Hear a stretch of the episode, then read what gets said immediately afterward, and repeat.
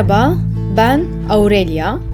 Düşüncelerimin Savaşı podcast'ine hoş geldiniz. Ben hayatta yaşadığım birçok şeye anlam yükleyen, bunları kafasında tartışan, yorumlayan ve bir sonuca varmaya çalışan biriyim. Ve sonra fark ettim ki benim kafamın içinde bambaşka bir dünya var. Bu dünyayı sizlere tanıtmak ve bu dünyanın içinden kendinizden parçalar bulmanızı istiyorum. Hayatta konuşmaktan çekindiğimiz en yakın arkadaşımıza, ailemize veya hayat arkadaşım dediğimiz kişilere bile anlatamadığımız konuları, kavramları veya soru işaretlerini burada konuşacağım. Öncelikle kendi izlenimlerim, tecrübelerim, herhangi biriyle ettiğim bir sohbetten yakalayabildiğim ya da metroda müzik dinlerken kafama takılan konuları konuşup aynı zamanda makale ve kitaplardan alıntıladığım yazıları size aktaracağım. Ardından her podcast'in sonunda konuştuğum kavram hakkında bir film tavsiye edeceğim. Eğer bana katılıyor veya katılmıyorsanız, görüşlerimi beğendiyseniz veya beğenmediyseniz benim için hiç fark etmez. Ben her türlü görüşe açığım ve düşüncelerinizi merakla bekliyorum. Instagram'ımdan veya mailimden bana ulaşabilirsiniz. Merhaba, Düşüncelerimin Savaşı'nın ilk bölümüne hoş geldiniz. İlk podcast'imin konusu bizi var ettiğini, olgunlaştırdığını ve insan olduğumuzun en büyük kanıtı olan acı kavramından bahsedeceğim. Podcast'te Latife Tekin'in bir alıntısıyla başlamak istiyorum. Durup dururken yazı yazmıyor insan. Yazmak için bir derdinin olması lazım. Normal olarak yaşamayı sürdüremediğin için yazı yazıyorsun, bir yenilgiden sonra yazıyorsun. Ben de böyle başladım yazmaya. Bir şeyler itti beni bu eyleme. Duygusal çaresizliklerim bir arayışa girdi, sonra yanlış kişilere ve olaylara yöneltti. Bir baktım ki tek çarem benim. Kafamın içi, içimdeki başka bir ben, etrafımdaki boş kalabalık beni kendime çekti. Anladım ki tek ilacım benim. Oğuz Atay'ın şu dizileri ise benim doktorum oldu. Kendini çözemeyen bir kişi kendi dışında hiçbir sorunu çözemez. Acı çektiğim dönemler, en çok şiir okuduğum, yeni müzikler keşfettiğim, anlamlı yazılar yazdığım ve tam istediğim bir film sahnesini canlandırabildiğim dönemler oluyor. Bu arada benim asıl hedefim film çekmek. O yüzden ben etrafımı çok inceler, düşünür ve kafamda aniden bir senaryo kurarım. Bundan da çok keyif alırım. Ancak özellikle bir üzüntü veya hayal kırıklığı yaşadığımda bu film sahneleri daha bir güzel oluyor. O yüzden acı çekmenin bir diğer güzel yanı da benim için bu güzel sahneleri yaratabilmek. Her neyse. Gerçi acıdan kaçmak için yapıyorum bunları. Unutmak için. Ardından bir bakıyorum ki birkaç günlüğüne sanatçı veriyorum. Toparlanıyorum, ayağa kalkıyorum, sosyal hayata giriş yapıyorum ama sonra kendimden çok sıkılmaya başlıyorum. Bir bakıyorum ki verimsiz ama mutlu insanlara dönüşüyorum. Bu verimsiz ama mutlu benzetmesini biraz açayım. Benim için ne ifade ediyor? Çocukluğumdan beri anlamaya çalıştığım, belki kabullenemediğim acı bir gerçek var. Benden, bizden daha şanslı olan insanlar. Tabii ki herkes aynı kefeye koymayacağım. Ama keşfettiğim kadarıyla bu insanlar genelde daha iyi ailelerde büyüyen, daha iyi şartlarda yaşayan, iyi maddi imkanlara sahip, topluma daha çabuk ayak uydurabilen, belki gelecekteki işi çoktan hazır, gelecek kaygısı bile yaşamayan, arkasında illaki bir ailesi, abisi, ablası veya sevgilisi olan insanlar oluyor. Örneğin bir makine mühendisi, cerrah veya astronot olabilme şansları daha yüksek. Ama bir şair, müzisyen veya ressam olamayabiliyorlar. Örneğin Sezen Aksu. Kim bilir ne acılar çekti de onu dilemekten bıkamıyoruz. En ufak kederde ona koşuyoruz. Ya da Van Gogh. Uzun bir süre akıl hastanesinde kaldı ve toplum onu hep tuhaf ve garip biri olarak gördü. E tabi Einstein de şanslı bir hayat yaşamadı. O da çok dışlandı toplumdan. Ama o bir dahiydi ve tabii ki de bilimi seçti. Ben sanattan konuşuyorum ve sadece genelleme yapıyorum. Dikkat ettiniz mi bilmiyorum ama ben kendimi bildim bileli farklı çevreleri görmüş biri olarak en varoş diye tabir ettiğimiz yerlerden tutun da rezidansta yaşayan insanlara kadar çok çeşit hayat tarzı tanıdım. Yaşıma ve tecrübelerime göre, bunu ona göre söylüyorum. Verimsiz ama mutlu insanlar diye tabir ettiğim kitlenin bakışlarından çok anlam çıkardım bugüne kadar. Boş ve anlamsız bakıyorlar. Ben onların herhangi bir şey üretebileceklerini pek sanmıyorum. Dertleri genelde küçük olur. Çünkü dert yaratmak isterler. Genelde özendikleri için bunu yaparlar. ya da küçük şeylerden mutlu olamazlar. Her şeyden önce en çok dikkatimi çeken şey ise genelde aşkı hep bulurlar. Ama bu kime göre aşk orası tartışılır. Hani o hep özendirici gözüken sahte ilişkiler vardır ya. Özellikle de Instagram'da çok gördüğümüz. Sürekli fotoğraf paylaşarak hayatında biri olduğunu kanıtlama ihtiyacı duyan insanlar. Erkeğin sanki mecnunmuş gibi şiirler yardırdığı kitleden bahsediyorum. Aslında onlar birilerinden intikam almak için veya hayatında biri olduğunda büyük bir şey başarmış olduğunu sanan insanlar oluyor. Yani eksikliklerini bununla kapatmaya çalışıyorlar bence. Ya böyle ilişkiler bana komik geliyor. Ya gülüyorum ama asla aşağılamıyorum. Yani bağlamak istediğim nokta şu. İnsan belirli bir aşamaya geldikten sonra asla bu kitleden biri olamıyor. Ama bu kötü bir şey değil bence. Sadece hayatında sahte bir insan olmasından ziyade bir dostu veya sabaha kadar konuşsa bile sıkılamayacağı bir insan istiyor. Ve bence bizim gibilerin ruhu çok yorgun olduğu için ya da hayatında birçok hayal kırıklığı yaşayıp acı çektiği için artık bir şeylere mesafe koyuyor ve kendini anlatmaya üşeniyor veya artık bunun için çok yorgunum deyip kestirip atabiliyor. Bunun sonucu da uzun süreli bir yalnızlık ve melankoli olabiliyor. Ben de bu melankoliklerden biriyim zaten. Ama her şeye rağmen ben verimsiz ama mutlu bir insan olmadığım için yani bu kitleden biri olmadığım için şikayetçi değilim. Hatta acıdan da zevk alıyorum sanırım. İşin garip tarafı da gülüyorum. Hem de çok gülüyorum kendime. Aslında hayatla ilgili kendi çapımda keşfettiğim acıları gülüyorum belki de. Beni mutlu eden şey de bu. Bir şeyler üretmeye çalışmam ve hayallerimin en yakın arkadaşımın olması. Ben bu aşamaya aslında ilk 6 yaşında beraber büyüdüğüm, kardeşten öte olduğum, biz beraber olduğumuz sürece kimse bizi yıkamaz dediğim kuzenimin bir anda yurt dışına taşımasından sonra gelmeye başlamışım. Yani çocukken bende bir şeyler başlamış.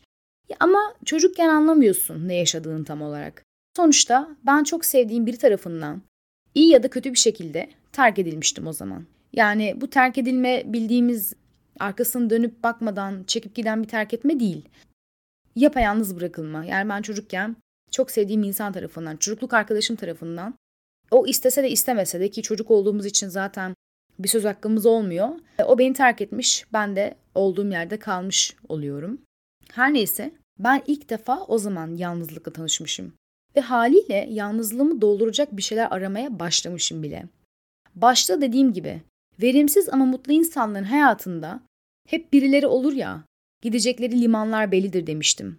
İşte benim daha o zaman bile sığınacak bir limanım kalmamış aslında. Sonra yeni arkadaşlar edinmeye çalışmıştım. Ama bu sefer ben onları ayak uyduramıyordum. Çünkü kendimi tam olarak açamıyordum. Kuzenimle paylaştığımız dostluğun yerini tutamadığı için kendimi özgür hissedemiyordum. Böylece ilk minik ama büyüdükçe travma etkisi bırakan bu acıları o zamanlar tanımaya başlamışım. Onun dışında şunu eklemek istiyorum. Acı deyince insanların bir önyargısı olabiliyor. Mesela illa bir ölümle tanışmak zorundaymışız gibi geliyor veya fiziksel bir rahatsızlığımız olması gerekiyormuş gibi. Tabii ki bunlar yaşamadığımız sürece empati kurabileceğimiz şeyler değil. Bundan eminim. Ama demek istediğim Norveç'te yaşayan biri bile olsan, çok stabil ve yalnız bir hayat yaşadığında bile büyük bir acı yaşıyor olabilirsin. Çünkü yalnızlığınla baş başa kalıyorsun ve insan bir yere kadar yalnız yaşayabiliyor. Yani bir yerden sonra kafayı yiyorsun. Yani e, bağlamak istediğim şey şu. Biz hep yanımızda birinin olmasına muhtacız. Öyle yaratıldık. Sosyal varlıklarız, sorguluyoruz, üzülüyoruz, gülümsüyoruz ve ne olursa olsun, ne kadar büyük darbeler alsak da insanlar tarafından yine onlara gitme ihtiyacı duyuyoruz. Psikologlar niye var sizce? Her yer psikolog kaynıyor. Ama yaptığımız çok büyük bir hata da var. Acılarımızdan kaçmak için kendimizi birilerinin kollarına atıyoruz. Yani kendimizi aslında teslim ediyoruz. O kişilerin bizim ilacımız veya mezemiz olacağı hissine kapılabiliyoruz. Ben özellikle de bunu kadınların daha çok yaptığını düşünüyorum. Yani bu bir insanın en büyük acizliklerinden biridir bence. Eğer acı çekiyor ve bir şeylerden kaçmak istiyorsak tabii ki bir şeylere sığınacağız. Bu yapmamız gereken ve bizi bir sonraki etaba getirecek şeyler. Örneğin yazmak, film izlemek, spor yapmak, resim çizmek ya da kendin için seni hayata bağlayacak herhangi bir uğraş bulmak. Bunlar gitmemiz gereken sığınaklar. Ama eğer acı çektiğin bir dönemdeysen, kendin için bir şeyler yapmıyor ve daha kendini bile sevmiyorsan, bence insan sığınacak bir liman değildir. Eğer öyle bir zamanda insanları sığınırsak büyük bir acıya ve hayal kırıklığına çoktan hazır olmamız gerekiyor bence. Çünkü seni o sığındığın kişi seni hep bu zaten kendisini sevmiyor. Ben mi onu seveceğim, değer vereceğim deyip seni kolayca gözden çıkarabilir. Ki genelde böyle oluyor. Yani kendine saygı göstermezsen, kendini sevmezsen, kendin için bir şey yapmazsan, bir uğraşın yoksa, seni bağlayacak bir şey tutunmazsan insan dışında, karşındaki insanlar sana asla saygı duymuyor. Her neyse onu geçtim. Bunun kadını da yok, erkeği de yok. İnsanlar böyle. Hepimiz böyleyiz. İnsanları kolayca gözden çıkarabiliyoruz eğer kendilerine saygı duymazlarsa. Toparlamam gerekirse ben e, acıların ve üzüntülerim bize okulda öğretilen geçici bilgilerden daha büyük bir ders olduğunu düşünüyorum. Eğer bu kaçamadığımız ve hep içinde çırpındığımız duyguların bizi olgunlaştıran, sağlamlaştıran ve daha kaliteli bir ben yarattığını anlar ve onlarla barışırsak hayatta bizi birçok konuda bir adım ileriye götüreceğini düşünüyorum.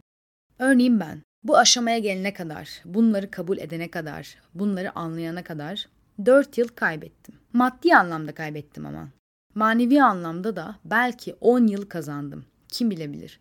Şu an aynı basamakta bulunduğum insanlar maddi olarak benden daha önde olabilir. Ama bundan 5 yıl sonra onlar bana yetişebilir mi bilemiyorum.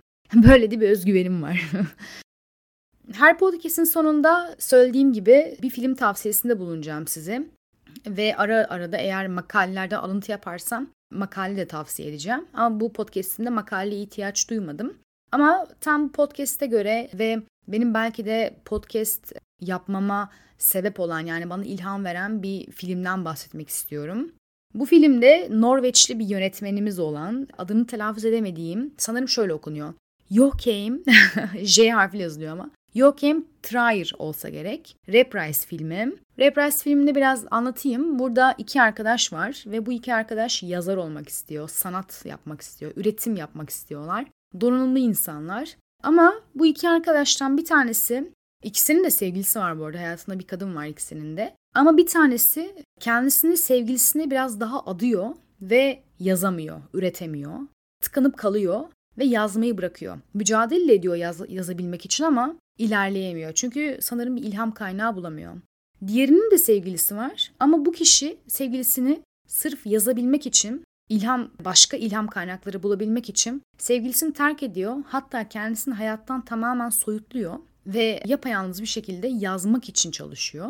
Bunun acıyla ne alakası var dersek de bence şöyle bir olayı var. Üretimle alakası var. Ya bu biraz iddialı gelebilir ama bence iddialı ve doğru bir şey. Eğer acı çekersek, acıyla tanışırsak ve eğer acı çektiğimiz dönemde bir insana sığınmaktan ziyade herhangi bir şeye sığınırsak yani yazmak gibi dediğim gibi yazmak gibi ya da işte ne bileyim futbol oynamak gibi bunlar bizi herhangi bir şey üretmeye hazırlayabilir bence. Ben öyle düşünüyorum. Ve bu filmde de buna benzer bir şey var işte. Bir tanesi aşkı seçiyor, bir tanesi yazmayı seçiyor. Ama aslında bakarsanız ikisi de çok mutlu değil. Her türlü işin içinde bir acı var. Neyse izleyin anlarsınız bence. Tavsiye ederim gayet güzel bir film. Bir de hani farklı bir sinema dili izlemek istiyorsanız da mutlaka izlemenizi tavsiye ediyorum. Gayet kaliteli ve güzel bir film. Şarkı tavsiye edeceğim. Her podcastime şarkı tavsiye etmeyi düşünmüyorum. Açıkçası aklıma eğer bir şarkı gelirse konuya bağlı olarak çünkü bu biraz spontane gelişiyor.